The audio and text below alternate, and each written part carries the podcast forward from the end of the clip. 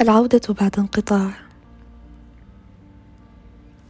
تشرب جرعة زائدة من فقدان الثقة فقدان المهارة والرغبة المشبعة في آن واحد. الكتابة الورقية بعد النصوص الطويلة على شاشة اللابتوب. والزيارة العائلية في يوم عيد بعد عهد من الانقطاع الذي قد أخذ عاما على الأقل. العودة. الكلمة الحانية بعد عتاب طويل مزقتها شراسة الكلمات لكن معناها لا زال آسرا.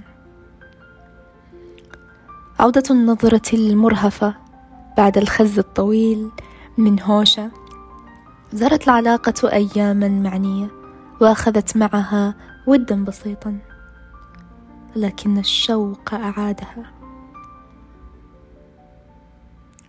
العودة إلى الواقع. الجهد الوفير والطاقة الجديدة والعمر الذي يتطلب سلخا حتى يستطيع النضوج بفكرة العودة بعد انقطاع.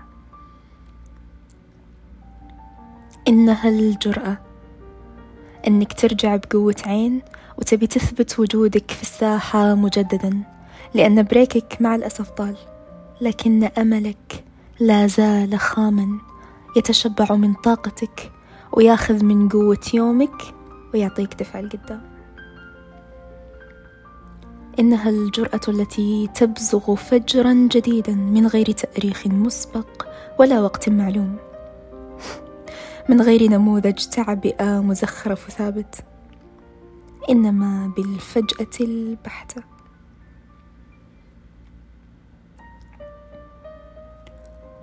العودة. وهل تسمى عودة أم بداية جديدة؟ هل فكرتنا عن العودة دائما إنها صفحة بيضاء؟ أو الاستكمال من آخر نقطة في السطر الماضي؟ ولماذا نضطر لأن نفتح فصلا جديدا بينما فصلنا الماضي أصبح ذا نهاية مفتوحة مكللا بالأذى للقارئ والسامع ومبتذلا جدا ولست أدري المبتذل هو النهاية القديمة أم البداية الصادمة التي ليست تعي معية البداية أو معية تلك النهاية؟ للعودة طقوس نابضة تلقح بها كلماتك من خليط الذكريات والأحاديث والأسلوب اللي قد تكون نسيته. ثم تنتظر اللحظة التي تنضج فيها كلماتك إثر اللقاح وتعرضها لحرارة البدء. وتحطها بين الجمهور. وتنتظر التفاعل. للعودة شعور بليغ. وكأنه نصفك المنسي ذاك الذي لا تشبهك ألوانه لكنك لا تكتمل إلا به. وكأنه ذكرياتك المنسية التي لن تتذكرها أبدا ما لم تكن مرصوصة في رفك الذي عهدته مليا بها وحافظت عليه ما استطعت لكنك لم تعد له إلا اليوم.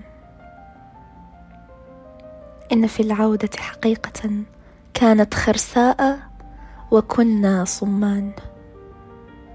ولعل النية علاج. والأداء تجرعه.